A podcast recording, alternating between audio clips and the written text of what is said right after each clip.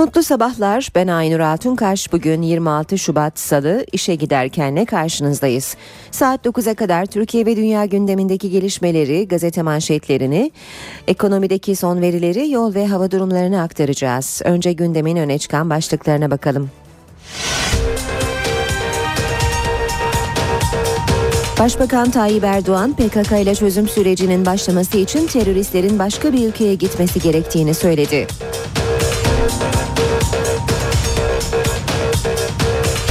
Öcalan'ın üzerinde çalıştığı metnin yakında açıklanacağını söyleyen BDP eş başkanı Demirtaş, 2-3 haftalık süreç çok kritik dedi. Türkiye ziyaretini tamamlayan Almanya Başbakanı Angela Merkel'in Ankara gündeminde Avrupa Birliği ve terör vardı.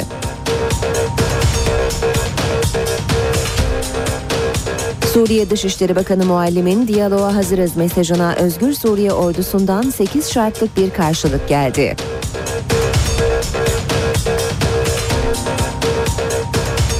Manisa Soma'daki bir kömür ocağında meydana gelen göçükte bir işçi hayatını kaybetti.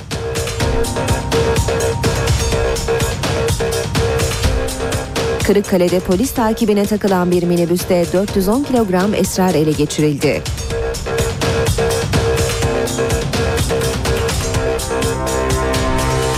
Gaziantep'te nefes almakta zorluk çeken bir çocuğun burnundan tel, antep fıstığı ve kağıt parçaları çıkarıldı. İşe giderken gazetelerin gündemi.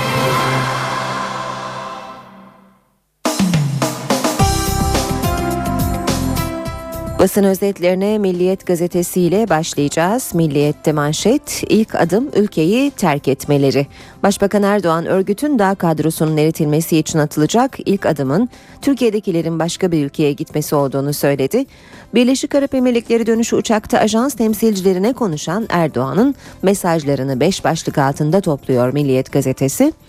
İmralı sürecine ilişkin olarak İmralı süreci diye bir şey olmaz çözüm süreci olur dedi başbakan. Benim aldığım briefingde batıda böyle ciddi bir sıkıntının veya itirazın olduğuna dair bir şey yok. Batıda yaşayan Kürtlerden içinde yer veya yer isteyenler var. Dağdan inme konusundaki mesajı şöyle başbakanın, Türkiye'deki teröristler ikinci bir ülkeye gittiği anda bu süreç fiilen başlamıştır. Suriye konusunda Suriye'nin bütünlüğü Türkiye için çok önemli. Irak'ta yaşanan sıkıntının yaşanmasını istemiyoruz diyor Başbakan. Otoyol ihalesine ilişkin olarak bu rakam beni tatmin etmedi. Bunun üzerine bir çalışma yaptırdım. İki katı rakam çıktı karşıma. Birisi 11-12 ise öbürü 8-9 civarında. Böyle çıktıktan sonra ben bunu verirsem vatana ihanet ederim. Büyük ihtimalle burayı halka açacağız. Yük yasası konusunda da başbakanın sözleri şöyle. Sabancı ziyaretime gelmişti. İlk dönemimdi. Başbakanım 250 milyon dolar yatıracağım. Rektörü ben atamayacağım. Olur mu dedi. Şimdi ben bunu tartışmam. Doğru. Amerika'da yönetimi rektör yapmaz. Rektör akademik işlerle uğraşır. Devam edelim basın özetlerine Hürriyet gazetesine bakalım. Hürriyet'te de gitsinler çözülür başlığı öne çıkmış. Başbakan Erdoğan bizim için Kandil'dekiler Türkiye'deki teröristler sınırdan ikinci bir ülkeye gittiği anda bu süreç fiilen başlamış demektir dedi. Devam ediyoruz. Türkiye'nin Avrupa Birliği süreci ilerlemeli başlığıyla Almanya Başbakanı Angela Merkel, Türkiye'nin Avrupa Birliği üyeliğine olan mesafeli tutumunu Ankara'da da değiştirmedi. Merkel, Türkiye'nin tam üyeliğine ilişkin tereddütlerim olmasına rağmen sürecin ilerlemesini arzu ediyoruz dedi. Başbakan Erdoğan ise Avrupa Birliği'ne 5 milyon soydaşımızla fiilen girdik. Hukuki boyutunu da halledelim istiyoruz diye konuştu. Basın özetlerine devam edelim. Hürriyet'in ardından geçelim Vatan Gazetesi'ne. Süreci bozan düşmanımdır başlığını manşette görüyoruz. BDP heyetine elden mektup vermeyen Öcalan, devleti daha dikkate değer bulduğunu söyledi. Süreci bozan devletin değil benim düşmanımdır dedi. Havaalanında skandal, İranlı AG İstanbul'da tüm güvenlik önlemlerini aşarak gizlice uçağa binmeyi başardı. Atatürk Havalimanı'nda personel kıyafeti giyen AG, aprona çıkıp Atlas Jet uçağının kargosunda Tahran'a uçtu. İran'da görevliler kargoyu boşaltırken baygın buldu. Olayla ilgili soruşturma başlatıldığını yine okuyoruz haberde. Muhteşem dönüş Galatasaray arenada ilk yarıda Ordu Spor karşısında 2-0 geriye düştü. Hakem Çınar Fatih Terim'i tribüne gönderince Arslan hıslandı. Gol perdesini 60'ta Snyder açtı ardından Burak 2 golle ve Selçuk'la rakibini ikiye katlayan Cimbom puanını 46'ya çıkardı. Devam ediyoruz basın özetleri aktarmaya. Sabah gazetesine bakalım. Sabahta manşet çekip giderler süreç başlar. Başbakan Erdoğan Türkiye'deki teröristler sınırdan ikinci ülkeye gittiği anda çözüm süreci fiilen başlamış demektir dedi. Kahraman gibi ta, kahramanı gibi tarihe geçti. 85. Oscar ödüllerinde sürpriz yaşanmadı. Daniel Day-Lewis Lincoln'la 3. Oscar'ını kazandı. Köleliği kaldırarak tarihe geçen Amerika Başkanı Lincoln'ı canlandıran Lewis 3 kez Oscar kazanan ilk erkek oyuncu olarak sinema tarihine adını yazdırdı. En iyi film Argo seçildi. En iyi kadın oyuncu ödülü ise Jennifer Lawrence'ın oldu. Devam edelim basın özetleri aktarmaya. Sabah gazetesinin ardından geçiyoruz Cumhuriyete. Cumhuriyette Merkel ümit, e, umut vermedi başlığını görüyoruz. Türkiye'nin Avrupa Birliği'ne tam üyeliği konusunda tavrını yeniledi. Ankara Cumhurbaşkanı Gül, Ankara'da Cumhurbaşkanı Gül, ardından da Başbakan Erdoğan'la görüşen Almanya Başbakanı Merkel, Avrupa Birliği ile ilgili tutumumuzu yineledik. Türkiye'nin tam üyeliği ile ilgili tereddütlerim olmasına rağmen bu sürecin ilerlemesini destekliyoruz dedi. Nevşehir gezisi sırasında Alman görevlilerin Merkel'le gazeteciler arasındaki mesafeyi iple korumak istemesi gerginlik yarattı. Kritik tarih 21 Mart Öcalan Demokratik Yeni Türkiye planını Nevruz'da açıklayabilir. Öcalan'ın hükümetle olgunlaştırdığı yol haritası kapsamında bir iki gün içinde ateşkes, silah bırakma planını da içeren bir mektubu BDP aracılığıyla Kandil'e ileteceği bildirildi. Kandil'den olumlu yanıt gelmesi durumunda yeni yol haritası Nevruz'da kamuoyuna da açıklanacak. Öcalan'ın planında milliyetçilik tanımı için İslamiyet'teki ümmetçilik yaklaşımını referans gösterdiği bildirildi. Anayasada demokratik özellik ısrarı yerine Avrupa yerel yönetim özellik şartındaki düzenlemelerle de taleplerin karşılanabileceğini ifade ettiği belirtildi. Radikal gazetesiyle devam ediyoruz. Radikal'in manşeti süreci başlatalım. Öcalan'ın Kandil'e gönderdiği mesaj Öcalan, silahlı mücadele bitti, size sunduğum yol haritasını tartışın, süreci başlatalım mesajı verdi diyor. Haber biraz ayrıntı verelim. Aslında Kandil'dekiler Öcalan'ın ne yazdığını iyi biliyor. Öcalan da Kandil'in ne düşündüğünü. Kandil Öcalan'ın durumunu tartışmak istiyor. Öcalan ise af ve ev hapsini konuşmayı yanlış buluyor. Cevaplar resmileşince Öcalan Nevruz'da PKK'ya çatışmasızlık çağrısı yapacak. Devam ediyoruz Habertürk gazetesinden haberler aktararak. Okuyacağımız ilk başlık İmralı değil çözüm süreci Erdoğan sürecin yol haritasını uçakta anlattı. Hemen hemen tüm gazetelerde başbakanın açıklamaları öne çıkıyor. Habertürk'te de İmralı süreci diye bir şey olmaz çözüm süreci olur. Batı'da sıkıntı yok sözünü e, görüyoruz başlıkta. Yan bakan yandı. Ordu arenada 2-0 öne geçtiğinde bin pişman oldu. Lider Galatasaray ikinci 45'te kükredi. Snyder, Kral Burak ve Selçuk'la fark attı. E, hakemin tribüne yolladığı terim takımı buradan ateşledi. Devam ediyoruz basın özetleri aktarmaya sırada akşam gazetesi var. Adaletin yemeği çürüye çıktı demiş akşam manşetinde. Ankara'da Adalet Bakanlığı'na İstanbul Çağlayan ve Kartal'daki adalet saraylarına yemek hizmeti sanık subaydan. Adalet personelini doyuran yemek şirketinin sahibi sahte çürük raporu davasında 403 yıl hapis sistemiyle yargılanan emekli binbaşı çıktı. Su çiçeği aşısı artık zorunlu. Hepatit A'dan sonra su çiçeği aşısı da aşı takvimine eklendi. 12. ayda tek doz olarak uygulanacak aşı 1 Ocak 2012 sonrası doğan çocukları kapsıyor. Geçelim Zaman Gazetesi'ne. Zamanda manşet şüpheli firarda suikast endişesi. Birçok mafya babasının kaldığı yüksek güvenlikli Kandıra cezaevinden kaçan suç makinesi Mikhail Zor'un 3 aydır yakalanamaması endişelere yol açtı. Terör suçlarına bakan savcılık firardan önce koğuş arkadaşına İstanbul 12. ve 13. Ağır Ceza Mahkemesi Başkan ve üyelerini öldüreceğini söyleyen Zor'un yakalanması için kapsamlı bir soruşturma başlattı. Yeni Şafak gazetesinde manşet Esad değil halk direniyor. Dışişleri Bakanı Davutoğlu Türkiye'nin Suriye politikasını Şam yönetimi düşmediği için başarısız gösterenlere cevap verdi. Beşar Esad'ı hala deviremediler deniyor. Hayır direnen Suriye halkıdır. Uçaklarıyla, tan- tanklarıyla, skat füzeleriyle bir devlet gücü bir halkın direnişini kıramamışsa esas vurgulanması gereken budur. İşe giderken devam ediyor. Son olarak da Taraf gazetesine bakalım. PKK cumartesi serbest bırakacak demiş taraf. Öcalan'ın mesajından sonra Kandil harekete geçti. Örgütün elindeki 16 kişinin cumartesi günü bırakılması bekleniyor. Basın özetlerinin ardından bu bölümü noktalıyoruz. Kısa bir aramız var şimdi. Ardından gündeme yakından bakmaya devam edeceğiz. NTV Radyo Saat 7.15 gündemin ayrıntılarıyla devam ediyoruz işe giderkene. Bugün de İmralı görüşmeleri gündemin üst sıralarında yer alıyor. Başbakan Tayyip Erdoğan'dan İmralı görüşmeleriyle ilgili bir açıklama geldi. Başbakan Erdoğan, teröristler başka bir ülkeye gittiği anda barış sürecinin fiilen başlayacağını söyledi. Başbakan Recep Tayyip Erdoğan, çözüm sürecinin başlaması için teröristlerin Türkiye'den çekilmesi gerektiğini söyledi. Bizim için şu anda birinci derecede Kandil'dekiler Türkiye'dekiler. Türkiye'deki teröristler sınırdan ikinci bir ülkeye gittiği anda bu süreç fiilen başlamış demektir. Ondan sonra Mahmur kampı var. Bu Birleşmiş Milletler'le görüşülerek halledilmesi gereken bir süreçtir. Çünkü orası adeta kuluçka merkezi gibi. Bir diğer tarafta tabii Kandil var. Bunlar da bizim Kuzey Irak yerel yönetimiyle çözmemiz gereken bir konu. Bunların hepsi Türkiye'dekilerin ülkemizi terk etmesinden sonra atılacak adımlardır. Birleşik Arap Emirlikleri dönüşünde uçakta gazetecilerin sorularını yanıtlayan Erdoğan, görüşmelere İmralı süreci denmesini doğru bulmadığını yineledi.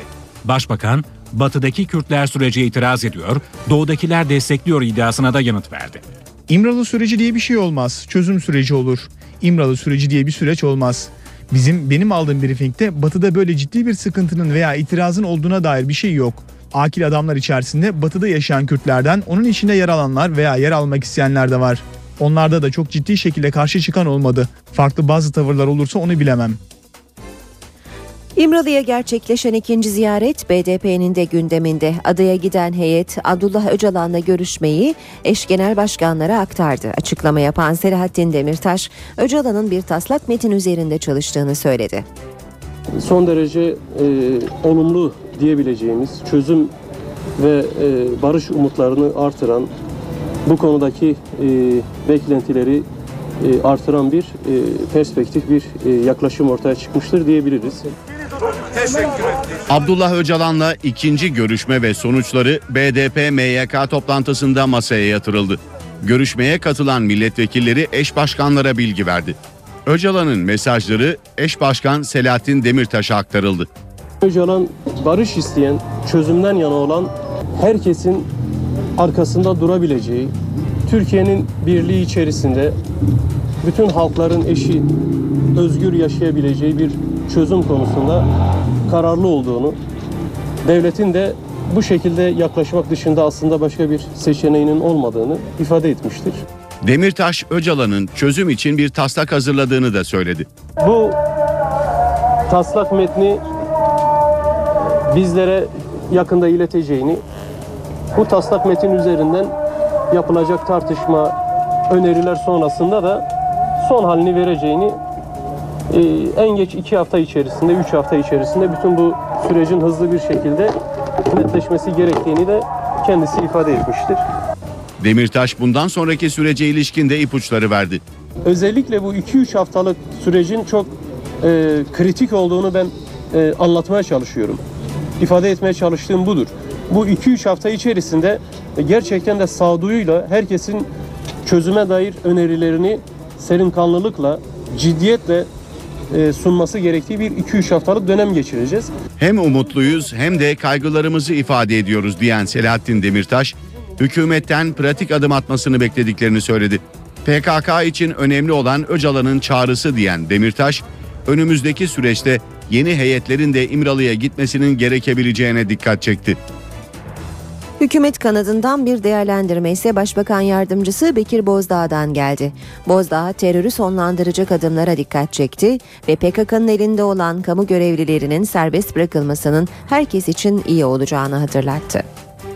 Başbakan Yardımcısı Bekir Bozdağ, Somali ve Sudan'ı ziyaret ettiği Afrika programını Türkiye gündemini değerlendirerek tamamladı. Bozdağ, İmralı görüşmeleri için önemli olan sonuç almak dedi. Bu bir süreçtir. Sürecin içerisinde e, zaman içerisinde e, yavaşlama olabilir, hızlanma olabilir. Önemli olan sürecin yavaş veya hızlı ilerlemesi değil, sürecin sağlıklı ilerlemesi, terörün sonduru- sonlandırılması hedefini gerçekleştirmeyi sağlayacak adımlarla ilerlemesidir. Başbakan Yardımcısı, ikinci BDP heyetinin İmralı'ya ziyaretini değerlendirmek için erken olduğunu da belirtti. Henüz elimizde e, net veriler yok. Yani bu veriler ortaya çıktıktan sonra değerlendirmeyi yapmak e, daha sağlıklı olur.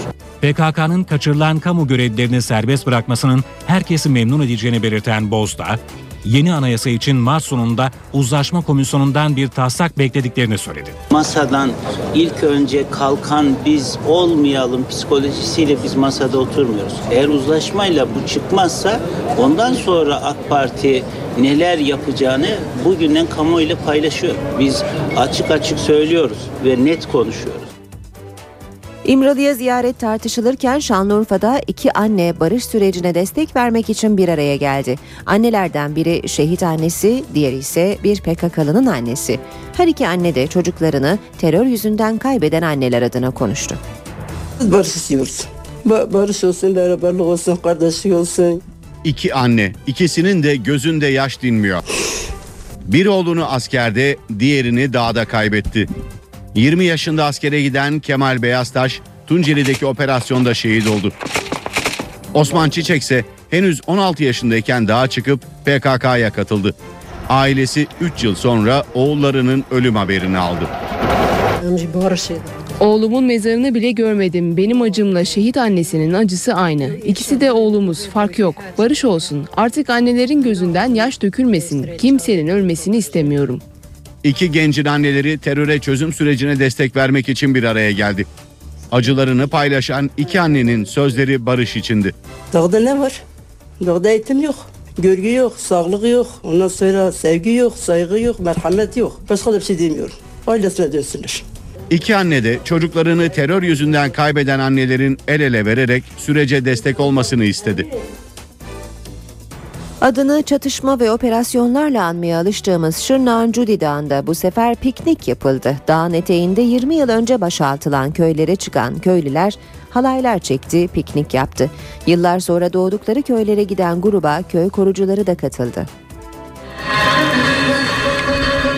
Güvenlik gerekçesiyle boşaltılan Sera ve Hisar ve Çağlayan köyüne giden gençler mangalda kebap pişirdi, halay çekti, okey oynadı. Piknik yapanlara PKK'ya karşı nöbette bulunan köy korucuları da katıldı. Yıllar sonra doğduğu köylere gidenler duygulu anlar yaşadı. Ailece buraya, aşirece buraya gelmek istiyoruz. Evet. Yani buranın doğası yani ba- belki bazı yerlerden daha çok güzeldi. Burayı bırakıp da başka bir yere gidemeyiz. Barış istiyoruz. İşe giderken. Almanya Başbakanı Angela Merkel Türkiye ziyaretini tamamladı. Ankara'daki görüşmelerde gündem Avrupa Birliği ve terördü. Merkel daha önceki açıklamasını yineledi ve Türkiye'nin Avrupa Birliği'ne tam üyeliği konusunda hala tereddütleri bulunmasına karşın sürecin ilerlemesini desteklediğini söyledi. Başbakan Tayyip Erdoğan'la ortak basın toplantısında gerilimli anlar da yaşandı. Ortamı gelen konuysa tutuklu gazetecilerle ilgiliydi. Ankara, Avrupa Birliği'nin en güçlü liderlerinden Almanya Başbakanı Angela Merkel'i ağırladı. Türk tarafı Merkel'le görüşmeye Avrupa Birliği ve terör dosyalarıyla girdi. Merkel, Başbakan Recep Tayyip Erdoğan'la baş başa görüştü. Ardından iki lider kameraların karşısına geçti. Türkiye'nin Avrupa Birliği tam üyeliğine sıcak bakmayan Merkel bu tavrını Ankara'da da sürdürdü. Başbakan Erdoğan ise hukuki sonuç talep etti. Kıbrıs Rum yönetimiyle ilişkileri örnek gösterdi.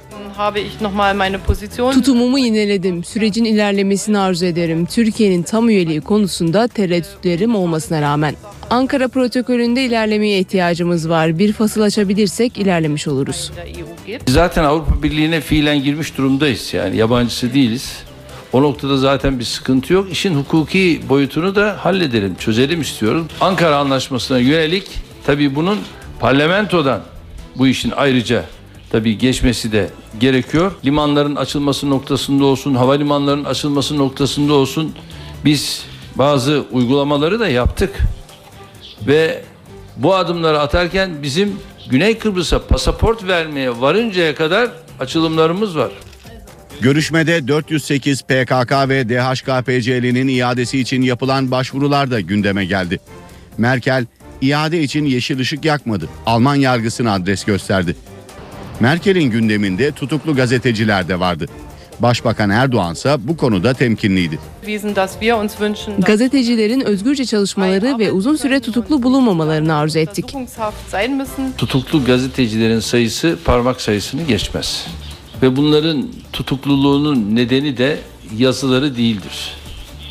Tutukluluklarının nedeni ya darbeye teşebbüstür veya bu tür teşebbüslerin içinde bulunmaktır. Basın toplantısında Başbakan Erdoğan Merkel'e ziyaretinden dolayı Almanca teşekkür etti. Ülkesine dönen Angela Merkel Ankara'daki programına başlamadan önce Kapadokya'daydı. Merkel'in gezisinde korumaların ilginç güvenlik yöntemi tepki çekti. Güllerle karşılandı. Kapadokya'yı anlatan hediyeler verildi. İşlemelerde hem, hem camilerin hem de kiliselerin yan yana birlikte Kültür ve Turizm Bakanı Ömer Çelik'in eşlik ettiği Almanya Başbakanı Angela Merkel Kapadokya turuna Göreme ile başladı. Karanlık kilisedeki İsa fresklerini inceledi, rehberleri dikkatle dinledi. Merkel uzun zamandır gelmek istediği Kapadokya'ya hayran kaldığını söyledi. Schönen Gruß an alle Bürger. En içten sevgilerini ve saygılarını iletiyorlar. Tur boyunca Merkel'in korumaları gazetecilerle konuk başbakan arasında mesafeyi korumak için alışılmışın dışında bir yöntem kullandı. Habercilerle Merkel arasına halat gerildi. Merkel'in korumalarıyla Türk korumalar arasındaki tartışmada en çok sıkıntı yaşayansa Alman Başbakanın Türk koruması Yavuz Uluçay oldu. siz çok ama baskın yapıyorsunuz diyorsunuz. Evet hepsini söyleyeceğim kimseye yaklaşmayın. Evet hepsi benim kontrolüm. Memnun kaldım. Buradan bir metreden fazla yaklaşmayın. Temiz görüntü alıp geri çekelim hemen. Tamam. Tartışma halatın kaldırılmasıyla son buldu. Merkel Kapadokya'dan Ankara'ya geçti. İlk olarak Anıtkabir'i ziyaret etti. Merkel'e protokol kurallarının sık sık hatırlatılması dikkat çekti. Merkel Anıtkabir özel defterine modern Türkiye'nin kurucusu Mustafa Kemal Atatürk iki ülke arasındaki kardeşliğin anısına bugün sizleri selamlıyorum yazdı.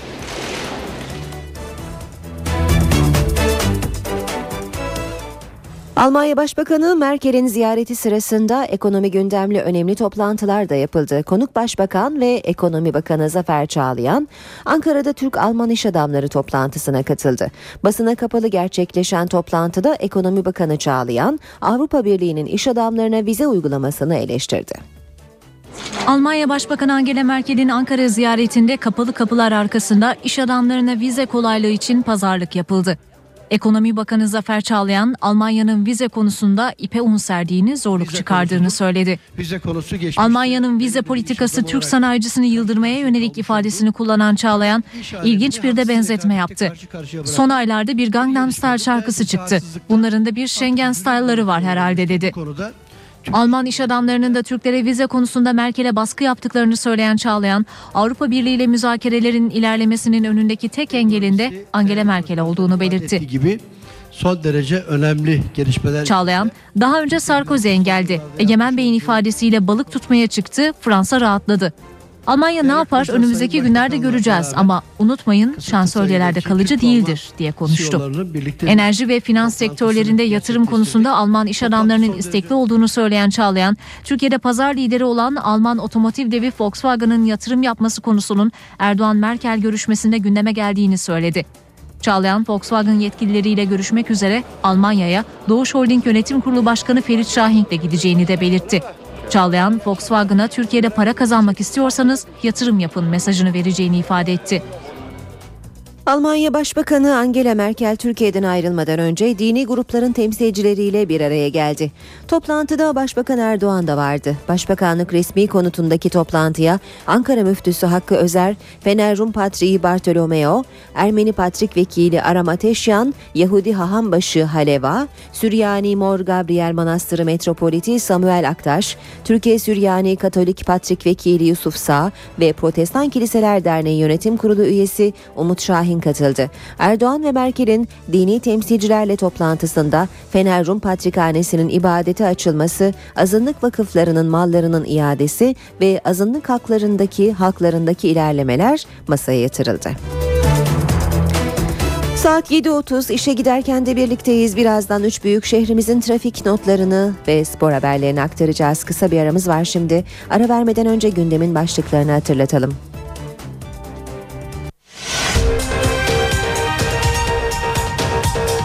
Başbakan Tayyip Erdoğan PKK ile çözüm sürecinin başlaması için teröristlerin başka bir ülkeye gitmesi gerektiğini söyledi.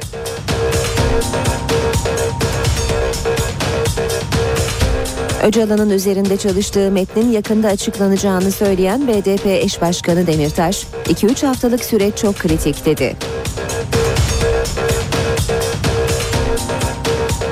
Türkiye ziyaretini tamamlayan Almanya Başbakanı Angela Merkel'in Ankara gündeminde Avrupa Birliği ve terör vardı.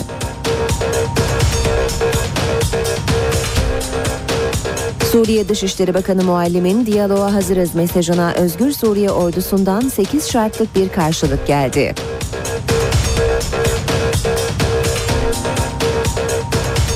Manisa Soma'daki bir kömür ocağında meydana gelen göçükte bir işçi hayatını kaybetti.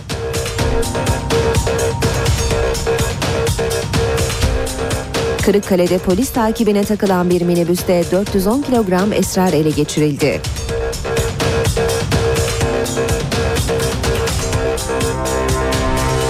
Gaziantep'te nefes almakta zorluk çeken bir çocuğun burnundan tel, antep fıstığı ve kağıt parçaları çıkarıldı. NTV Radyo'da işe giderken de birlikteyiz. Birazdan spor haberleri aktaracağız. Önce 3 büyük kentimizin trafik notlarına bakacağız. İstanbul'da Tem'de Metres Sabipler yönünde bir maddi hasarlı trafik kazası var. Önce bunu aktaralım. Tem'de Çamlıca Gişeler Kartal yönünde bakım çalışması var. Bölgedeki trafik bu nedenle e, yoğunlaşıyor. Bağlarbaşı Altunizade yönünde de yine bir yol e, çalışması söz konusu. Balmumcu e, katılımı, köprü katılımı trafiğe kapalı hatırlatalım. Yıldız katılımını kullanması gerekiyor sürücülerin. Bayrampaşa Otogar Davutpaşa arasında çift yönlü yol bakım çalışması var.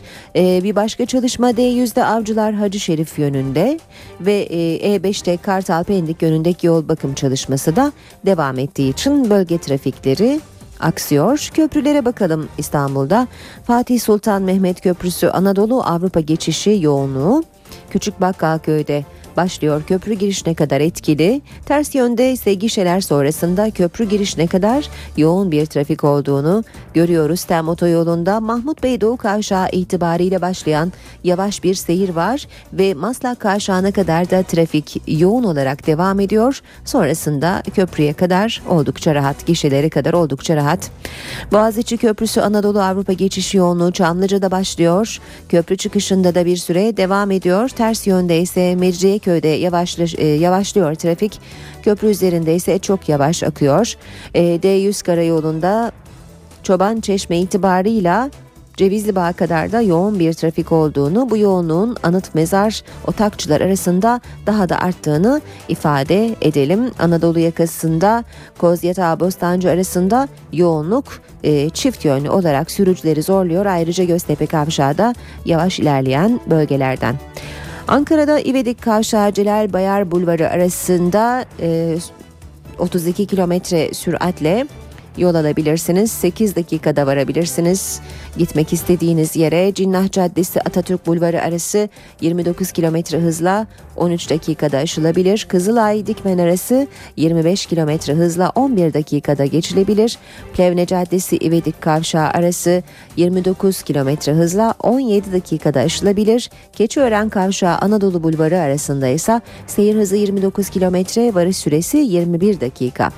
İzmir'de Mavişehir Konak arası 40 kilometre hızla 23 dakikada, Üçkuyular Alsancak arası 32 kilometre hızla 15 dakikada ve Bornova Alsancak arası da yine 32 kilometre hızla 15 dakikada aşılabilir.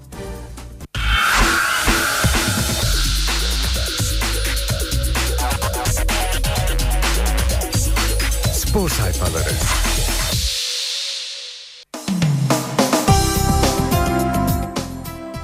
Spor haberlerine başlayalım. Galatasaray Ordu maçı haberleriyle başlayacağız. Başka bir arzunuz demiş Milliyet. Galatasaray Ordu maçındaki heyecan kalpleri zorladı. Aslan 2-0'dan geri gelip mucizeyi başardı. Sarı Kırmızılı ekip önce Muslera'nın hatalı degajı ardından Stanko'nun penaltı golüyle neye uğradığını şaşırdı. İkinci yarı adeta şahlanan Cimbom, Snyder, Burak Yılmaz ve Selçuk'la uzun yıllar unutulmayacak bir galibiyete imza attı takipçilerini yanına yaklaştırmadı. Büyüksün Drogba, fil dişi, e, fil dişi sahilli golcü 83. dakikada kafa kafaya çarpıştığı Baral'ı ziyaret etti, farkını gösterdi. Fatih Terim ve eşi Fulya Terim de İspanyol futbolcu için hastaneye gitti.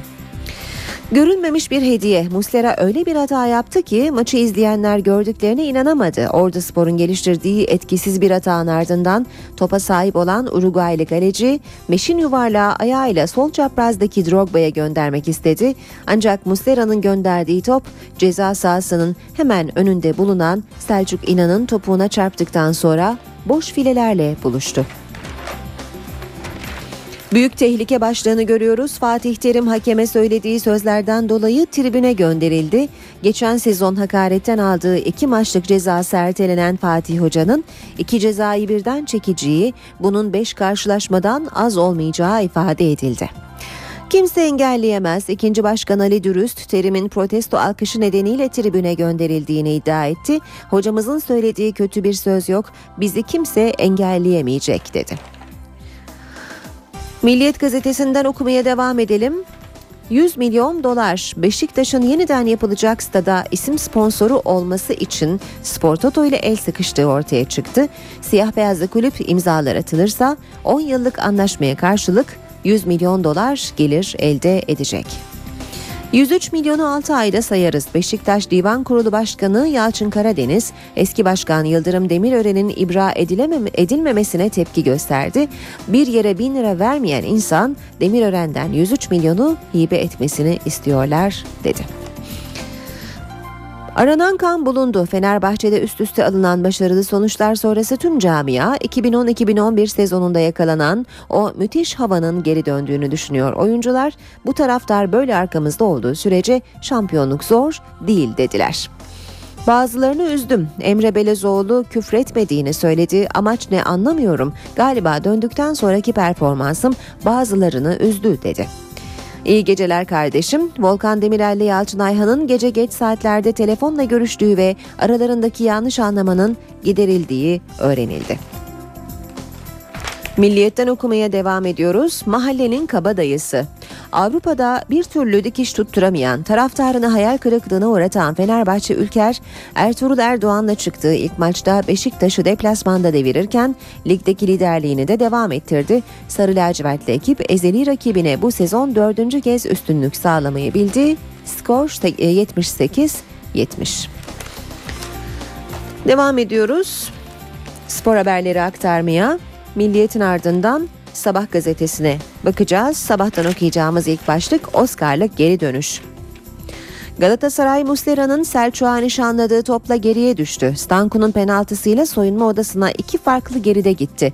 Snyder 90'a gönderdiği plaseyle hem sarı kırmızılı forma altında siftah yaptı hem de uyuyan aslanı ayağa kaldırdı. Sonra sahneye kral çıktı. Takipçiliğiyle skoru eşitleyen Burak harika kafa golüyle takımını öne geçirdi. Fornesti'yi çaresiz bırakan şutuyla Selçuk skoru ilan etti.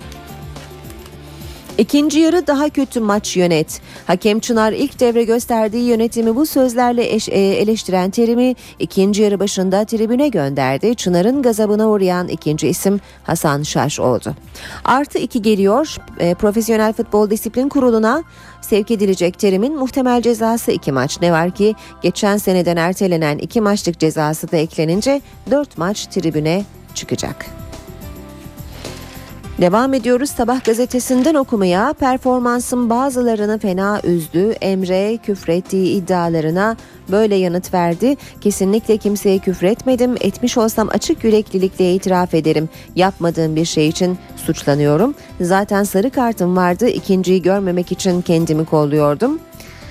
Kendi oyuncularına baksınlar Yalçın Volkan'a küfretti demiş Emre Belozoğlu. Son round telefonda Fenerbahçe kalecisi Volkan'la Kasımpaşalı futbolcu Yalçın arasında sahada başlayan stat e, otoparkında da devam eden tartışma gece yarısı telefonda sürdü. Devam edelim Beşiktaş Hastanesi başlığıyla Sakatlıklardan başı çok ağrıyan Beşiktaş köklü bir çözüm peşinde. Yönetim son teknolojinin kullanılacağı, diğer kulüp futbolcularının da yararlanacağı bir hastane açacak. Spor haberleri aktarmaya devam ediyoruz. İşe giderken de Sabah gazetesinin ardından geçelim Habertürk'ün spor ekine. Bir orduya bedel e, Terim tribünde bile enerjisiyle takımını ateşledi. İmparatorun galibiyet sevinci görülmeye değerdi demiş Habertürk gazetesi haberinde. Sezon sonunda efsane olacak başlığıyla bitirelim bu bölümü. Fenerbahçe Başkanı Yıldırım Kasımpaşa karşısında sergilenen futbola hayran kaldı. Aykut Kocaman'a şapka çıkardı. Yöneticileriyle yaptığı sohbette Kocaman'ın arkasında durmakla çok doğru yaptığını anlatan Aziz Yıldırım, ikinci yarı itibarıyla aldığı her karara bayılıyorum. Üç kulvarda da başarılı, sezon sonunda efsane olacak dedi. Bitiriyoruz böylece spor haberlerini işe giderken gündemin öne çıkan gelişmeleriyle devam edecek. İşe giderken. Manisa'nın Soma ilçesinde özel bir şirkete ait kömür ocağında göçük meydana geldi. Bir işçi hayatını kaybetti. Göçüğün yerin yaklaşık 200 metre altında direklerin sökümü sırasında olduğu öğrenildi. Kömür yığını altında kalan Harun Tufan adlı işçi arkadaşları tarafından çıkarıldı ancak hayatını kaybettiği anlaşıldı. Jandarma göçükle ilgili soruşturma başlattı. Aynı maden ocağında 4 ay önce meydana gelen kazalarda 3 işçinin hayatını kaybettiği belirtildi. Şanlıurfa E tipi kapalı cezaevinde yangın paniği yaşandı. 3 mahkumla yangına müdahale eden iki itfaiye eri dumandan etkilendi. Yangın akşam saatlerinde geçici koğuşta yatakların ateşe verilmesiyle çıktı. İtfaiyenin müdahalesiyle yangın kısa sürede söndürüldü.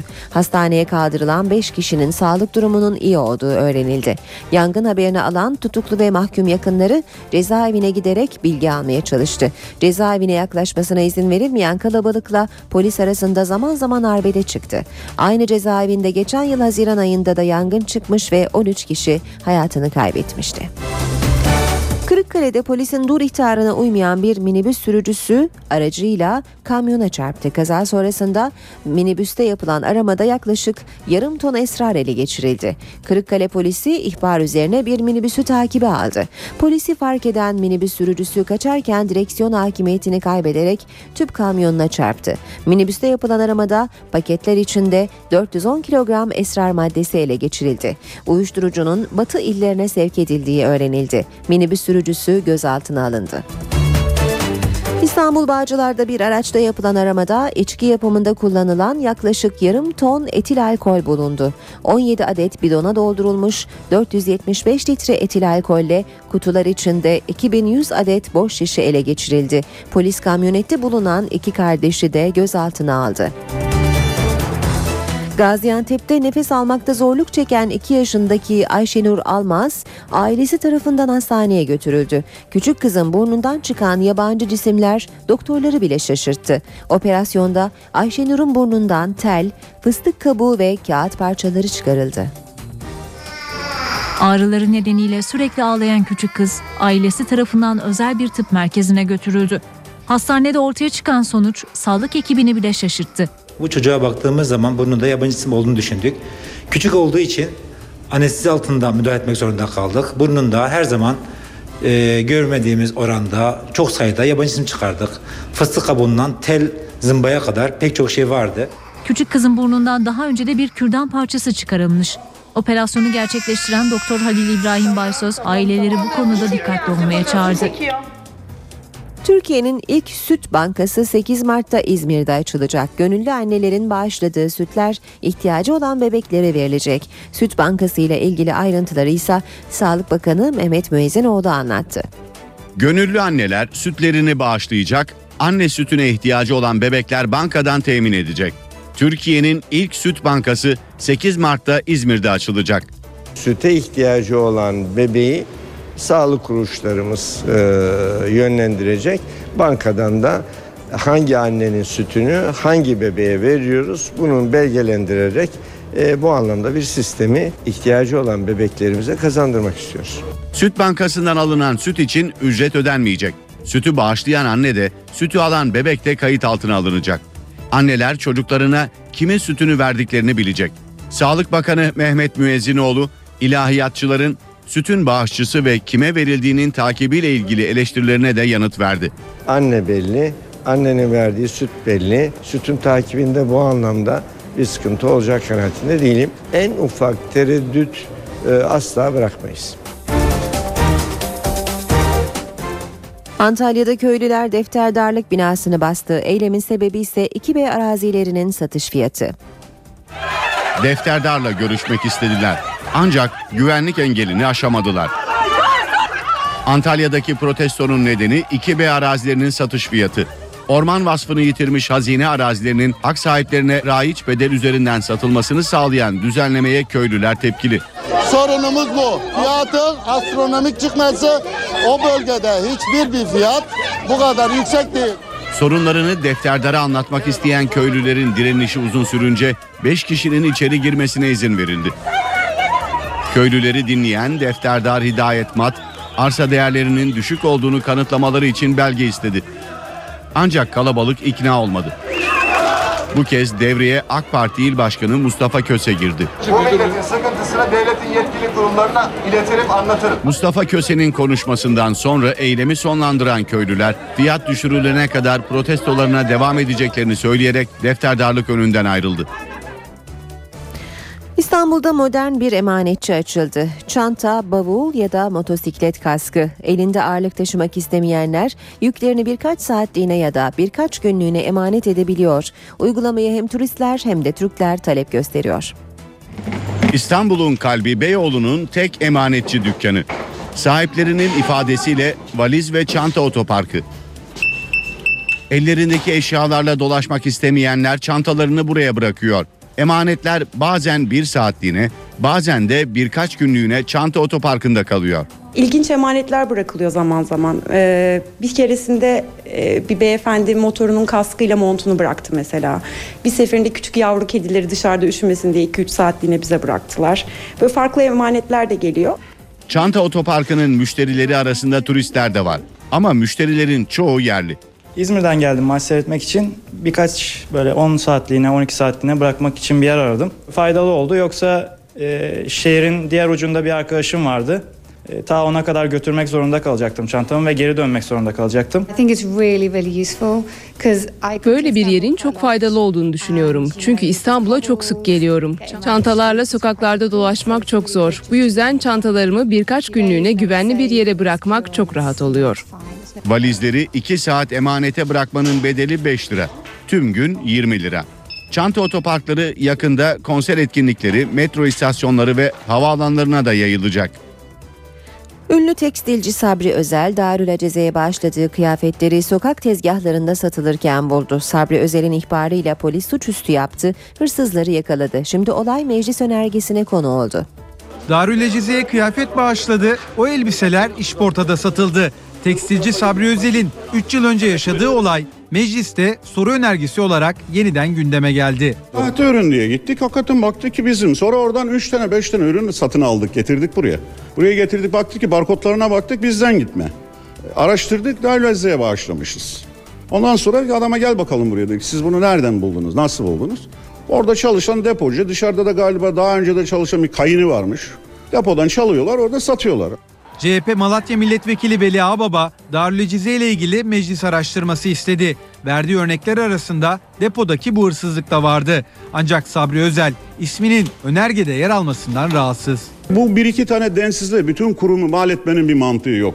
Oradaki iki kişinin yapmış olduğu, depocu adamın yapmış olduğu. Bunlar densiz insanlar. Ben yine Darül Azize'ye gönderiyorum ve göndermeye de devam edeceğim.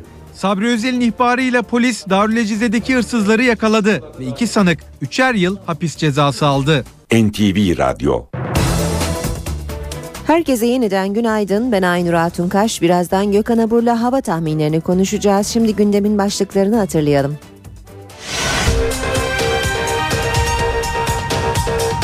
Başbakan Tayyip Erdoğan PKK ile çözüm sürecinin başlaması için teröristlerin başka bir ülkeye gitmesi gerektiğini söyledi.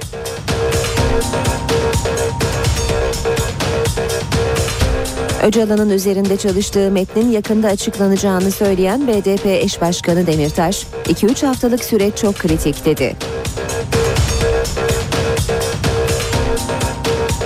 Türkiye ziyaretini tamamlayan Almanya Başbakanı Angela Merkel'in Ankara gündeminde Avrupa Birliği ve terör vardı.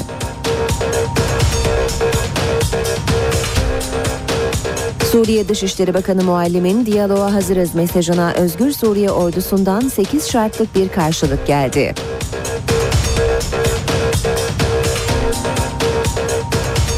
Manisa Soma'daki bir kömür ocağında meydana gelen göçükte bir işçi hayatını kaybetti.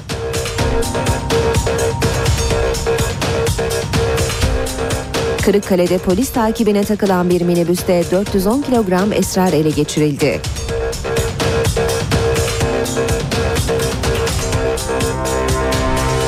Gaziantep'te nefes almakta zorluk çeken bir çocuğun burnundan tel, antep fıstığı ve kağıt parçaları çıkarıldı.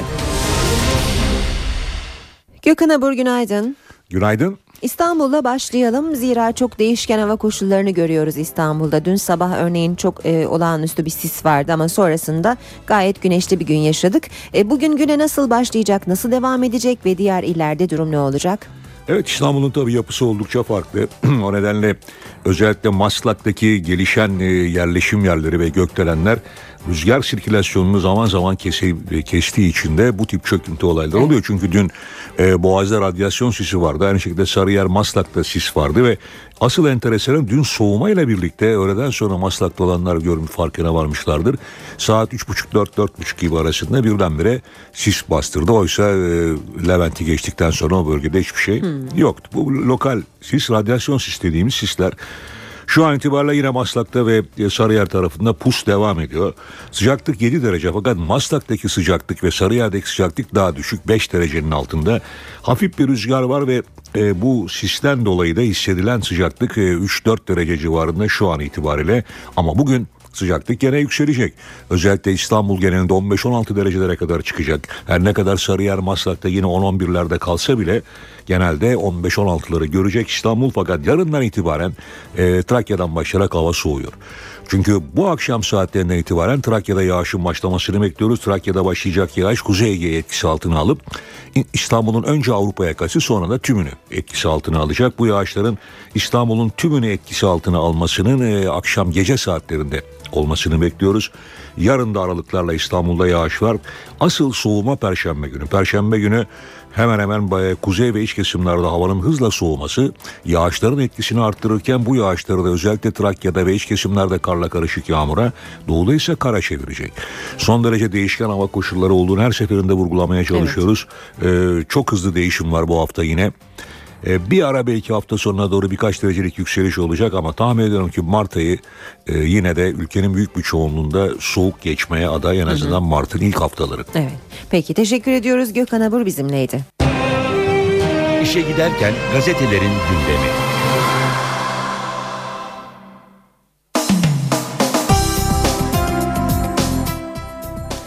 Basın özetlerine geçiyoruz. Hava durumunun ardından ilk gazete Milliyet. Milliyet'te ilk adım ülkeyi terk etmeleri başlığı manşette Başbakan Erdoğan örgütün dağ kadrosunun eritilmesi için atılacak. İlk adımın Türkiye'dekilerin başka bir ülkeye gitmesi olduğunu söyledi. Erdoğan'ın Birleşik Arap Emirlikleri dönüşü uçakta verdiği mesajları görüyoruz Milliyet'te başlıklar altında.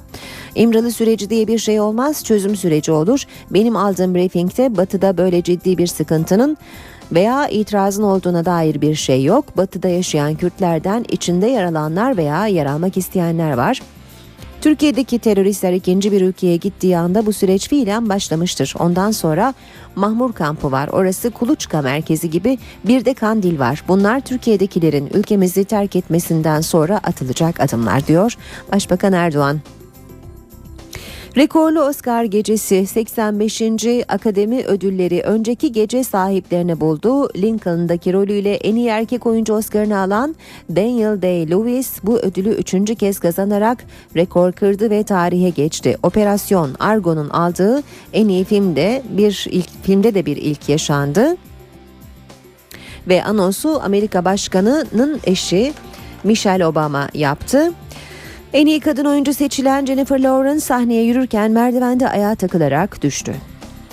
Devam edelim basın özetlerine milliyetin ardından hürriyete geçelim. Hürriyette Gitsinler çözülür başlığı manşete çıkarılmış. Başbakan Erdoğan bizim için Kandil'dekiler Türkiye'deki teröristler sınırdan ikinci bir ülkeye gittiği anda bu süreç fiilen başlamış demektir dedi. Devam ediyoruz Hürriyet gazetesinden aktarmaya. Türkiye'nin Avrupa Birliği süreci ilerlemeli. Almanya Başbakanı Angela Merkel Türkiye'nin Avrupa Birliği üyeliğine olan mesafeli tutumunu Ankara'da da değiştirmedi. Merkel Türkiye'nin tam üyeliğine ilişkin tereddütlerin olmasına rağmen sürecin ilerlemesini arzu ediyoruz dedi. Başbakan Erdoğan ise Avrupa Birliği'ne 5 milyon soydaşımla e, soydaşımızla fiilen girdik. Hukuki boyutunu da halledelim istiyoruz diye konuştu. Sabah gazetesi var sırada. Çekip giderler süreç başlar sözü başbakanın yine manşette Türkiye'deki teröristler sınırdan ikinci ülkeye gittiği anda çözüm süreci fiilen başlamış demektir diyor Başbakan Erdoğan. Devam ediyoruz. Basın özetlerine işe giderken de Oscar'a aday futbol gecesi arenada futbolun tüm hikayeleri dile geldi. Muslera degajı Selçuk'a nişanladı. Tüm zamanların en komik gollerinden birini yedi. İki farklı geriye düşen teknik direktörü ve yardımcısı tribüne gönderilen Galatasaray ikinci devre dört golle coştu. Drogba ile çarpışan Baral hastaneye kaldırıldı. Devam edelim Vatan Gazetesi'yle. Vatanda süreci bozan düşmanımdır e, başlığını görüyoruz manşette. BDP heyetine elden mektup vermeyen Öcalan devleti daha dikkate değer bulduğunu söyledi. Süreci bozan devletin değil benim düşmanımdır dedi. Vatanda bir başka başlık havaalanında skandal. İranlı AG İstanbul'da tüm güvenlik önlemlerini aşarak gizlice uçağa binmeyi başardı. Atatürk Havalimanı'nda personel kıyafeti giyen AG aprona çıkıp e, Atlas Jet uçağının kargosunda Tahran'a uçtu. İran'da görevliler kargoyu boşaltırken baygın buldu. Sırada Cumhuriyet Gazetesi var. Aktaracağımız başlık Kritik tarih 21 Mart. Öcalan Demokratik Yeni Türkiye planını Nevruz'da açıklayabilir. Abdullah Öcalan'ın hükümetle olgunlaştırdığı yol haritası kapsamında bir iki gün içinde ateşkes, silah bırakma planını da içeren bir mektubu BDP aracılığıyla Kandil'e ileticiyi bildirildi. Kandil'den olumlu yanıt gelmesi durumunda yeni yol haritası Nevruz'da kamuoyuna da açıklanacak. Radikal gazetesine bakalım. Radikal'de de manşet süreci başlatalım. Öcalan'ın Kandil'e gönderdiği mesaja yer veriyor Radikal. Öcalan silahlı mücadele bitti. Size sunduğum yol haritasını tartışın. Süreci başlatalım mesajı verdi. Aslında Kandil'dekiler Öcalan'ın ne yazdığını iyi biliyor. Öcalan da Kandil'in ne düşündüğünü. Kandil Öcalan'ın durumunu tartışmak istiyor. Öcalansa af ve ev hapsini konuşmayı yanlış buluyor. Cevaplar resmileşince Öcalan Nevruz'da PKK'ya çatışması bağımsızlık çağrısı yapacak. Taraf gazetesi de manşette PKK cumartesi serbest bırakacak demiş. Öcalan'ın mesajından sonra Kandil harekete geçti. Örgütün elindeki 16 kişinin cumartesi günü e, bırakılması bekleniyor diyor taraf haberinde. Haber Türkiye bakalım. Volkswagen pazarlığı diyor Habertürk manşette. Yatırıma Alman da sıcak. Erdoğan-Merkel görüşmesinden Almanların otomotiv devi Volkswagen'ın Türkiye yatırımları konusunda kararlılık çıktı. Devam ediyoruz haber özetleri aktarmaya işe giderken de bakalım akşam gazetesinde manşet e, adalet yemeği çürüye çıktı. Ankara'da Adalet Bakanlığı'na İstanbul Çağlayan ve Kartal'daki adalet saraylarına yemek hizmeti sanık subaydan adalet personelini doyuran yemek şirketinin sahibi sahte çürük raporu davasında 403 yıl hapis sistemiyle yargılanan emekli binbaşı çıktı. Bir başka haber su çiçeği aşısı artık zorunlu başlığını taşıyor. Hepatit A'dan sonra su çiçeği aşısı da aşı takvimine eklendi. 12. ayda tek doz olarak uygulanacak aşı 1 Ocak 2012 sonrası doğan çocukları kapsıyor. NTV Radyo'da işe giderken de birlikteyiz. Zaman gazetesine bakalım. Şüpheli firarda suikast endişesi diyor manşeti zamanın birçok mafya babasının kaldığı yüksek güvenlikli Kandıra cezaevinden kaçan suç makinesi Mikail Zor'un 3 aydır yakalanamaması endişelere yol açtı. Terör suçlarına bakan savcılık firardan önce koğuş arkadaşına İstanbul 12. ve 13. Ağır Ceza Mahkemesi Başkan ve üyelerini öldüreceğini söyleyen Zor'un yakalanması için kapsamlı bir soruşturma başlattı. Son başlıklar Yeni Şafak'tan Esad değil halk direniyor. Dışişleri Bakanı Davutoğlu Türkiye'nin Suriye politikasını Şam yönetimi düşmediği için başarısız gösterenlere cevap verdi. Beşar Esad'ı hala deviremediler deniyor. Hayır direnen Suriye halkıdır. Uçaklarıyla, tanklarıyla, skat füzeleriyle bir devlet gücü bir halkın direnişini kıramamışsa esas vurgulanması gereken budur. Ankara gündemi.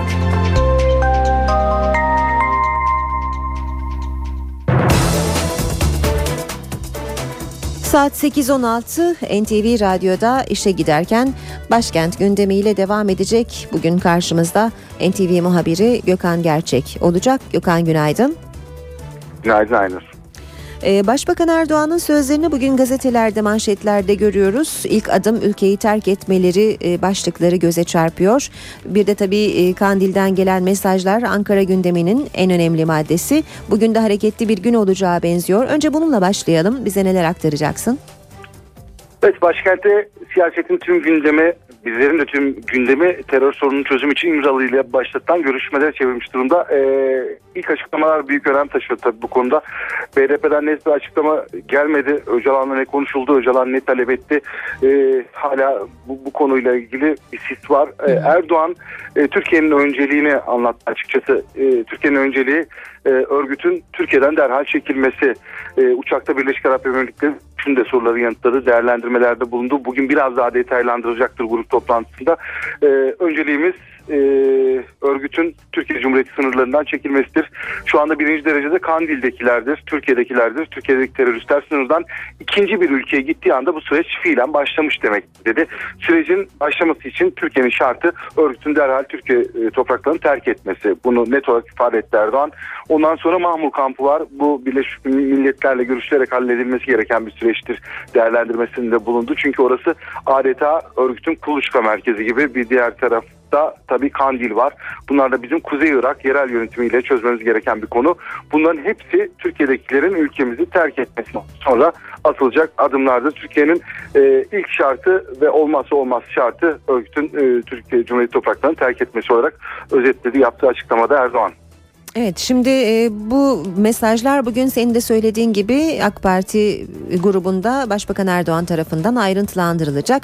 Yanı sıra bugün önemli toplantılar da var. Gündeme ilişkin neler söyleyeceksin? Evet Başbakan Erdoğan e, siyasetten risk aldığını da dün uçakta açıkladı. Aslında bugün biraz daha detaylandıracak e, bu açıklamalarını. Türkiye'nin e, net mesajlarını, kırmızı çizgilerini altını çize çize e, o mesajları verecek. Bir taraftan AK Parti grubundaki gelecek başbakana vereceği o mesajları takip ederken bir taraftan da kulağımız e, BDP e, grubunda verecek mesajlara çevrilmiş durumda olacak. Bu nedenle bugün grup toplantıları oldukça önemli. Hafta sonu imzalaya giden ikinci BDP heyetinin ardından yaşanan gelişmelerle ilgili tepkiler bizim için oldukça önemli. E, AK Parti'de dikkatimiz olacak. E, BDP'de e, ne açıklamalar gelecek? Bunlar tabii e, yakından takibimizde olacak. Evet. Tabii muhalefetin CHP'nin ve MHP'nin e, açıklamaları, değerlendirmeleri de burada büyük önem taşıyor. Bununla ilgili yorumları da büyük önem taşıyor. Önceliğimiz e, İmralı görüşmeleri. E, bugün önemli bir toplantı daha var. Milli Güvenlik Kurulu toplantısı yapılacak. 2013 yılının ilk Milli Güvenlik Kurulu toplantısı bu. Cumhurbaşkanı Abdullah Gül başkanlığındaki toplantıya Erdoğan baş, e, Cumhurbaşkanı Abdullah Gül başkanlık toplantıya Erdoğan Genelkurmay Başkanı Necdet Özel ilgili bakanlar ve kuvvet komutanları da katılacak. Toplantıda iç ve dış gelişmeler değerlendirecek. E, terörle mücadele İmralı görüşmelerine gelinen son noktayla alınacak. Öte yandan Suriye ile ilişkiler masaya yatılacak. Zira dün Birleşik Arap Emirlikleri dönüşünde Erdoğan'ın Suriye konusunda da oldukça önemli e, mesajları oldu. E, İslam İşbirliği Teşkilatı'nı eleştirdi, Arap Birliği'ni eleştirdi, yeterli desteği göremediklerini söyledi. Bugüne kadar Türkiye'nin e, Suriye için harcadığı para 600 milyon dolar gibi oldukça büyük bir para. ABD'den yeterli desteğin gelmediğini ifade etti. Erdoğan ABD ta- e, taş, elini taşın altına artık koymalı değerlendirmesinde bulundu. Bugünkü Milli Güvenlik Kurulu toplantısında da öncelikli gündem maddeleri arasında sınır komşumuz Suriye'de Suriye'de yer alıyor. Ee, mecliste de oldukça yoğun bir gündem olduğunu söyleyebiliriz. Genel Kurulda Gençlik ve Spor Bakanı Suat Kılıç milletvekillerinin sorularını yanıtlayacak. Tarım, Orman ve Köy İşleri Komisyonu'nda ta- tarımda kullanılan 2B arazilerin rayiç bedeline ilişkin yasa teklifi görüşülecek. Ee, teklif 2B arazileri kullanan 300 bin çiftçiye rayiç bedelinin %70'i yerine %50'sini ödeyerek, %20 daha az para ödeyerek arazileri satın alma imkanı getirecek. Ee, Sağlık Bakanı Mehmet Mehmet Müezzinoğlu bugün sağlık muhabirleriyle bir araya geliyor. Ee, Müezzinoğlu'nun burada gündeme ilişkin önemli açıklamalarda bulunmasını bekliyoruz. Son gündem maddemiz ekonomiden. Ekonomide de önemli bir e, görüşme var. Rekabet Kurumu'nun 12 banka hakkında yürüttüğü soruşturmanın sözlü savunmasına devam edecek. Bankalar tek tek savunmada bulunacaklar. Rekabet Kurulu'nun ihlal kararı verdiği durumlarla ilgili olarak dikkatli bu süreci de takip edeceğiz. Evet özetle e, başkentin e, ana gündem maddelerinin başlıkları bu şekilde. Aynur. Evet, teşekkür ediyoruz Gökhan Gerçek. Bu yoğun gündemin takibinde kolaylıklar diliyoruz. İşe giderken. Şimdi üç büyük şehrin trafik notlarına geliyor sıra. İstanbul'la başlayalım. İstanbul'dan önce bir e, kaza haberi aktaracağız. Fatih Sultan Mehmet Köprüsü Avrupa Anadolu geçişinde bir trafik kazası var. Maddi hasarlı bir kaza ve e, bu bölgede trafiği yoğunlaştıracağını düşünüyoruz. Henüz e, olağanüstü bir yoğunluk yok. E, sadece gişelerden sonra köprü girişine kadar yoğun bir trafik olduğunu görüyoruz. Devamı açık. Ancak geride Tem'de Karayolları Mahallesi Maslak Kavşağı arası çok yoğun seyrediyor. Ee, ve Edirne yönünde ise Karayolları Mahallesi Tekstil Kent arasında trafiğin yoğun olduğunu görüyoruz. Fatih Sultan Mehmet Köprüsü Anadolu Avrupa geçişi yoğunluğu Küçük Bakkalköy'de etkili Çavuşbaşı'na kadar. Sonrası açık ama e, e, Elmalı'dan köprü girişine kadar yine yoğunlaşıyor. Boğaziçi Köprüsü Anadolu Avrupa geçişi yoğunluğu Çamlıca'da başlıyor. Köprü çıkışında Çağlayan'a kadar da etkili bir yoğunluk olduğunu görüyoruz. Ters yönde Mecidiyeköy köprü çıkışı itibarıyla trafik yoğun. E5'te Topkapı Darül Aceze arası yoğun seyrediyor. Haliç'te de yoğun bir trafik olduğunu söyleyelim. Şirin Evler, e, Merter arası çift yönlü yoğun seyrediyor. O 3'te Mahmut Bey Doğu Kavşağı Hal arası yoğun gördüğümüz kadarıyla. Halden Anıt Mezar'a kadar da yine yavaş bir seyir var trafikte. Anadolu yakası E5 karayolunda Küçük e, Yalı Kozyatağı arasında trafik yoğun. Kozyatağı Bostancı arası da yoğun seyrediyor. Ankara ve İzmir'le devam edelim. Ankara'da Yıldız Kavşağı Esat arası sürüş hızı 19 kilometre ve varış süresi 12 dakika. Atatürk Orman Çiftliği Gençlik Parkı arası 25 kilometre 16 dakika. Etlik Caddesi Mevlana Bulvarı 25 kilometre ve 14 dakika. Eskişehir Yolu Kavşağı Mevlana Bulvarı arası da 36 kilometre hızla 27 dakikada aşılabilir. İzmir'de Mavişehir Konak arasında sürüş hızı 32 kilometre, varış süresi 29 dakika. Bornova Alsancak arası 40 kilometre hızla 13 dakikada. Üçkuyular Alsancak arası 22 kilometre hızla 23 dakikada. Üçkuyular Bornova arası e, düzeltiyorum Alsancak arası 36 kilometre hızla e, 10 dakikada aşılabilir. İşe giderken Şimdi e, gündeme bakmaya devam ediyoruz. İşe giderken de Özgür Suriye Ordusu Suriye Dışişleri Bakanı Velid Muallim'in Moskova'dan verdiği silahlı muhalefetle diyaloğa hazırız mesajına 8 şartla karşılık verdi. Özgür Suriye Ordusu diyaloğun sağlanması için muhalifleri silahlı çeteler olarak niteleyen Bakan Muallim'in özür dilemesi gerektiğini duyurdu. Ayrıca Suriye Devlet Başkanı Beşar Esad'dan diyaloğa hazır olduğunu şahsen açıklaması istendi. Görüşmelerin operasyonların tamamıyla durdurulmasından sonra özgürleştirilmiş Suriye topraklarında gerçekleştirilmesi istendi. Birleşmiş Milletler, Arap ülkeler ve Türkiye'nin gözetim ve güvencesi talep edildi. Görüşmelerin bir takvime bağlanması gerektiği de belirtildi. Beşar Esad ve güvenlik güçlerinin başındaki isimler istifa etmeli denildi. Görüşmenin hedefinin de iktidarı halka teslim etmek olması gerektiği belirtildi. Başbakan Tayyip Erdoğan Birleşik Arap Emirlikleri ziyareti dönüşünde uçakta gazetecilerin dış politik gelişmelere ilişkin sorularını yanıtladı. Suriye konusunda önemli mesajlar veren Başbakan Suriye'nin ülke bütünlüğünün önemine dikkat çekti. Suriye'nin kuzeyinde Kuzey Irak gibi bir yapının doğmasına sıcak bakmayacaklarını söyleyen Başbakan Erdoğan bu durum bize farklı yetkiler, farklı haklar verir dedi. Amerika Dışişleri Bakanı John Kerry ilk yurt dışı gezisine İngiltere'den başladı. Kerry'nin Londra'dan verdiği mesajlar 10 gün sürecek turun ana maddesinin Suriye olacağını gösterdi. Kerry, Beşar Esad'a görevi bırakma çağrısında bulundu. Suriyeli muhaliflere ise görüşmelere gelin dedi. The Assad regime has rained down rockets on Aleppo in recent days. Şam rejimi birkaç gündür Halep'e roket yağdırıyor. Bu durum Esad'ın acımasızlığının göstergesidir. Masum sivillerin ölmesini kabul edemeyiz. Yaşananlar Esad'ın gitmesi gereğinin en büyük kanıtıdır. Amerika Birleşik Devletleri Dışişleri Bakanı John Kerry İngiltere'den Şam rejimine mesaj gönderdi. 10 günlük Avrupa ve Orta Doğu gezisinin ilk durağı Londra'da temaslarda bulunan Kerry, muhaliflere de çağrıda bulundu. Kerry, Suriyeli muhaliflerden uluslararası görüşmeleri boykot kararından vazgeçmelerini istedi. Obama yönetiminin Suriyeli sivillerin korunması konusunda gerekli adımları atacağını ifade eden Kerry, muhalifleri Roma'da yapılacak Suriye'nin dostları toplantısında görmek istediğini söyledi.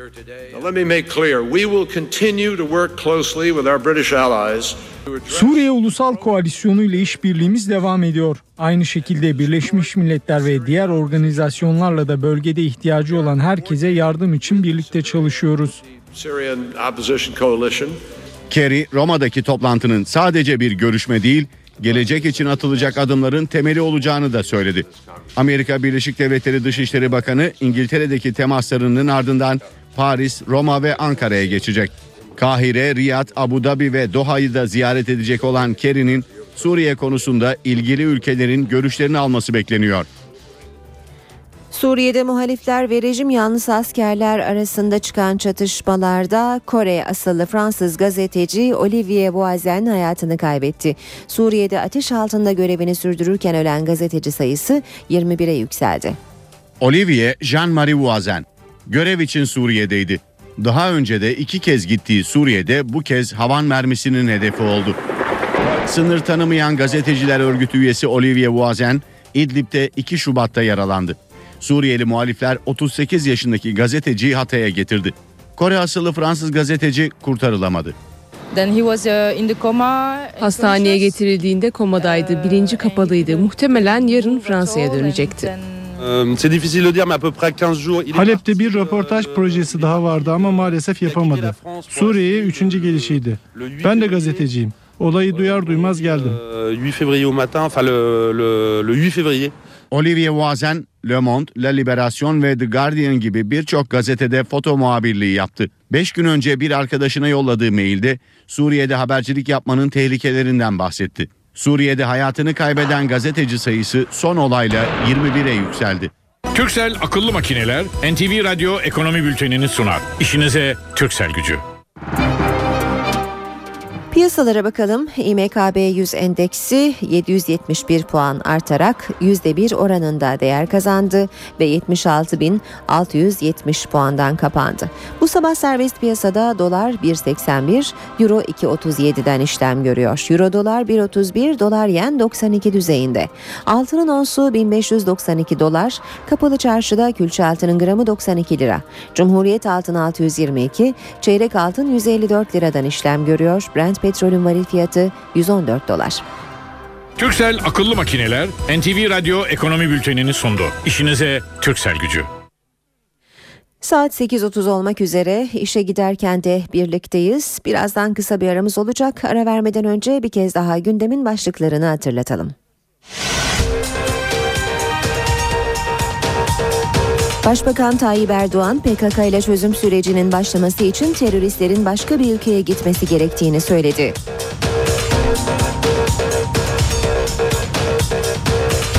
Öcalan'ın üzerinde çalıştığı metnin yakında açıklanacağını söyleyen BDP eş başkanı Demirtaş, 2-3 haftalık süreç çok kritik dedi.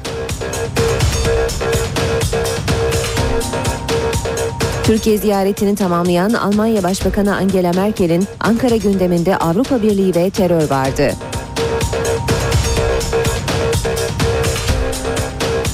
Suriye Dışişleri Bakanı Muallim'in diyaloğa hazırız mesajına Özgür Suriye ordusundan 8 şartlık bir karşılık geldi.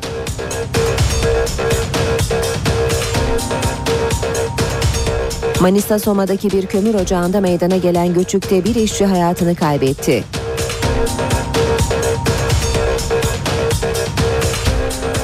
Kırıkkale'de polis takibine takılan bir minibüste 410 kilogram esrar ele geçirildi.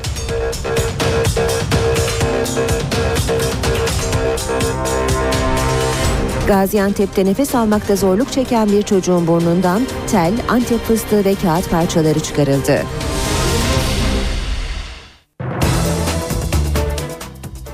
Saat 8.36 işe giderken gündemde öne çıkan gelişmelerle devam ediyor. Özel sektörde 25 bin engelli kadrosu boş. İşverenler bu alandaki yasal zorunluluğa uymadıkları için geçen yıl yaklaşık 33 milyon lira ceza ödedi. Aralık 2012 tarihiyle tarihi itibarıyla Türkiye'de 50 veya daha fazla işçi çalıştırdığı için engelli engelli çalıştırma yükümlülüğü olan 16 bin iş yeri bulunuyor. Bu iş yerlerinin 102 bin engelli çalıştırması gerekiyor ancak bu kadroların 25 bini boş durumda. Yani özel sektörde engelliler için var olan kontenjanın dörtte biri boş. Özel sektördeki açık engelli kontenjanı sayısında da liderlik İstanbul'a ait. İstanbul'u Tekirdağ, İzmir, Antalya ve Ankara takip ediyor. Her engelli engelli ve çalıştırılmadığı her ay için işverene 1832 lira para cezası veriliyor. Elektrik üretiminde yeni alternatif çöp. Yakın bir gelecekte 500 bin evin elektriği çöpten üretilen elektrikle karşılanacak. Şimdiye kadar 39 firma üretim için lisans aldı. Ankara Mamak'taki çöp alanı. Fakat eski görüntüsünden artık eser yok. Nedeni çöpten elektrik üretimi yapan bu tesis. Enerji ve Tabi Kaynaklar Bakanı Taner Yıldız, Mamak'ın elektrik ihtiyacının %10'unu karşılayan tesisi inceledi. Yıldız, Türkiye'de günlük 50 bin ton civarında çöp çıktığını belirtti. Çöp bir tehdittir ama bunların fırsata dönüştürülmesi lazım. İşte bu tesis bu fırsata dönüştüren tesislerimizin başında geliyor. Çöpten enerji üretiminin avantajlarına dikkat çekti. 200 megawattlık böyle bir santralların yani çöpten elektrik üretilme ile alakalı e, santralların devreye girmesiyle beraber 500 bine yakın evin elektrik ihtiyacı da karşılanmış olacak. Hali hazırda Ankara, Adana, Gaziantep gibi illerde çöpten elektrik üretimi yapıldığını hatırlatan Yıldız, 39 yeni tesisin daha lisanslarının onaylandığını söyledi. Tesislerin tüm ülkeye yaygınlaşması gerektiğini belirtti. Ülkü Adatepe'nin çocukları annelerinin hayatını kaybettiği kazada aracı kullanan makam şoförüyle sürücünün bağlı olduğu turizm firmasına 600 bin liralık tazminat davası açtı. Atatürk'ün manevi kızı Ülkü Adatepe Sakarya'da geçirdiği trafik kazasında hayatını kaybetmişti. Ülkü Adatepe'nin oğlu olan Ahmet Kemal Doğançay otomobilin yetersiz ve şoförün eğitimsiz olduğunu iddia ederek turizm firmasına 600 bin liralık tazminat davası açtı. Ülkü Adatepe'nin öldüğü kazaya ilişkin olarak şoför Adnan Selçuk'un kazayen ölüme sebebiyet vermek suçundan 6 yıla kadar hapsi isteniyor. Avrupa'da bir numaralı gündem maddesi gıda güvenliği konusu. Hazır köftelerin ardından IKEA'nın köftelerinde de at etine rastlandı. Avrupalı yetkililer yeni bir düzenleme hazırlığında. IKEA Türkiye'de ise at eti riski olmadığını açıkladı. Avrupa'daki at eti skandalı büyüyor. Son olarak Çek Cumhuriyeti'nde IKEA mağazalarında satışa sunulan İsveç köftelerinde at eti tespit edildi. İngiltere, Fransa dahil 21 ülkedeki IKEA mağazalarında köfte satışı durduruldu. Avrupalılar tepkili. I'm not Doğrusu hiç şaşırmadım. Değişik etler çıkmasaydı şaşardım. IKEA Türkiye'de ise böyle bir riskin bulunmadığını vurguladı. IKEA yetkilileri Türkiye'de satışa sunulan köfte ve sosis ürünlerinin tamamı hizmet vermeye başladığımız günden bu yana %100 dana eti olup yerli tedarikçilerden temin edilmektedir açıklamasında bulundu. Avrupalı yetkililer ise gıda güvenliği gündemiyle Brüksel'de toplandı. Toplantıdan yeni bir etiketleme sistemi geliştirilmesi için eyleme geçme kararı çıktı. Avrupa'daki at eti skandalı, İngiltere ve İrlanda'da süpermarketlerde satılan hazır köftelerde at eti DNA'sı tespit edilmesi üzerine patlak vermişti. İtalya'daki parlamento seçimlerinden karışık bir tablo çıktı. Merkez Sol parlamentonun alt kanadında eski başbakan Silvio Berlusconi'nin liderliğindeki Merkez Sağ az farkla geride bıraktı. Senatoda ise Merkez Sol'la Merkez Sağ arasında başa baş bir yarış söz konusu. Seçimlerin sürprizi ise tepki oylarını alan komedyen Beppe Grillo oldu. Grillo oyların %25'ini toplayarak sandıktan 3. sırada çıktı. Başbakan Mario Monti ise %10'da kaldı. Sırada BBC Türkçe servisinin gözünden İngiltere basınında öne çıkan gelişmeler var. İngiltere'de gazetelerin hepsi bugün İtalya'da sonucu çıkmaza giren genel seçimi ve Amerika Birleşik Devletleri Dışişleri Bakanı John Kerry'nin İngiltere görüşmelerini ele alıyor. İngiltere'de yayınlanan gazetelerin çoğunun ön sayfasında İtalya seçimleri bulunmakta. Bu gazetelerden biri olan Guardian, ülkede yapılan genel seçimden çıkan sonuçların Euro bölgesini yeni bir krize götürebileceğini yazıyor. Resmi olmayan sonuçlara göre hiçbir partinin tek başına hükümet kurmak için çoğunluk elde edemediğinin ve komedyen Beppe Grillo tarafından başlatılan siyasi girişimin beklenenden çok başarılı olduğunun görüldüğünü söyleyen Guardian, Senato'da çoğunluğun Berlusconi'nin orta sağ blokunun, meclisin alt kanadında ise çoğunluğun orta sol blokunun olacağını yazıyor. Guardian, İtalya'nın seçim sonuçlarıyla ilgili haberini şu sözlerle noktalıyor. Avrupalı liderler İtalya'da sabit bir hükümet görmeyi uzun süredir iple çekmekteydi. Ama liderler şimdi Avrupa'nın üçüncü büyük ekonomisinde popülizmin başarısı karşısında dehşete kapılacaklardır. Aynı konuda Financial Times gazetesinde yazan Guy Dinmore, seçim sonuçlarının İtalyan halkının önceki başbakan Mario Monti'nin başlattığı kemer sıkma önlemlerine duyduğu öfkeyi ortaya koyduğunu öne sürüyor. Dinmore'un makalesi şöyle. Roma'dan gelen sonuçlar karışık olsa da bir şey kesin. Maaşlar düşüp işsizlik oranı artarken İtalyan halkının büyük bir kesimi yolsuzluğun sık görüldüğü bir kuruma öfkelerini kemer sıkma önlemlerine dur diyerek gösterdi. Seçim kampanyasının son haftalarında Başbakan Mario Monti kemer sıkma önlemlerine dair söylemlerini hafifletip makul vergi kesintileri vaat etmeye başladı. Başbakan ayrıca önlemlerinin piyasaların güvenini tazelemek için gerekli olmuş olsa da ağır olduğunu ve İtalya'da görülen durgunluğu körüklemiş olabileceğini kabul etti. Ama eski başbakan Silvio Berlusconi ve komedyen Beppe Grillo'nun söylemlerine oranla Monti'ninkiler çok geç geldi. Independent gazetesi ABD Dışişleri Bakanı John Kerry'nin Londra görüşmelerine iki ülke arasındaki ilişkiye gönderme yapan hala özel mi başlığıyla ele alıyor.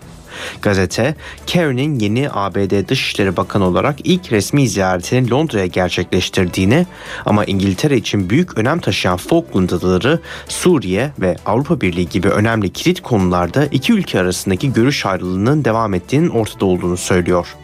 Independent'taki haberi yazan diplomasi muhabiri Kim Sen-gupta, Washington'ın Falkland adalarının geleceği konusuna gelecek ay yapılacak referandumu tanımayacağını ve İngiltere'nin müttefiği olmasına rağmen Güney Amerika'daki hassasiyetlerden dolayı taraf tutmayacağının ortada olduğunu yazıyor. Suriye konusundaysa İngiltere'nin harekete geçilmesinden yana tavır sergilediği bir dönemde Kerry'nin Obama'nın Suriyeli muhaliflere silah bağlanması fikrine uyguladığı vetoyu kaldıracağına dair herhangi bir ipucu vermediğini belirtiyor Sengupta. Son olarak Avrupa Birliği konusundaysa Independent, Obama hükümeti yetkililerinin Londra'yı AB'den ayrılma düşüncesinin referanduma sunulmasından vazgeçilmesi yönünde ikna etmeye çalıştığını hatırlatıyor. Times gazetesinde yazan Amir Talehi, ABD Dışişleri Bakanı John Kerry'nin Suriye konusunda harekete geçmesi gerektiğini söylüyor. Tahiri'nin makalesi şöyle. Başkan Obama'nın yeni Dışişleri Bakanı John Kerry, Orta Doğu'ya yapacağı ziyareti bir dinleme gezisi olarak niteliyor. Eğer o mutsuz bölgede duyması gereken bir çığlık varsa o da Suriye'ninki. Ayrımlarıyla tanınan bu bölgede Suriye'den yükselen ses birleştirici bir rol oynuyor. Demokratlar, İslamcılar, siyasi partiler, sendikalar, kadın dernekleri ve dini cemiyetlerin hepsinde aynı ses yankılanıyor. İran hariç bölgedeki ülkelerin hepsi daha fazla kan dökülmemesi için harekete geçilmesini istiyor. Artık kimse pahalı barış konferansları, mekik diplomasisi veya dinleme gezileri istemiyor. Financial Times gazetesinin manşetten duyurduğu haber, Meksika körfezinde yaşanan Deepwater Horizon felaketi ve petrol sızıntısı yüzünden BP'nin Amerika Birleşik Devletleri Adalet Bakanlığı'nca mahkemeye verilmesi hakkında. ABD'nin BP'nin mümkün olan en büyük tazminat ve cezaya ödemesini istediğini yazan gazete habere şöyle devam ediyor. ABD Adalet Bakanlığı 2010 yılında Meksika körfezinde patlak veren felaket öncesinde BP'nin kasıtlı suistimal sergilediğini söylüyor. Adalet Bakanlığı'nı temsil eden Michael Underhill açılış beyanında BP'de çalışan bireylerin yaptıklarının kasıtlı suistimal olarak sayılmayacağını ama bu yapılanların toplamının standartların oldukça çok düşmesine neden olduğunu söyledi. Underhill ayrıca BP'nin insan sağlığı, güvenlik ve çevreden daha çok karlarını düşündüğünü kanıtlayacaklarını sözlerine ekledi. Böylece işe giderkenin sonuna geldik. Ben Aynur Altunkaş. Gelişmelerle saat başında yeniden buluşmak üzere. Hoşçakalın. NTV Radyo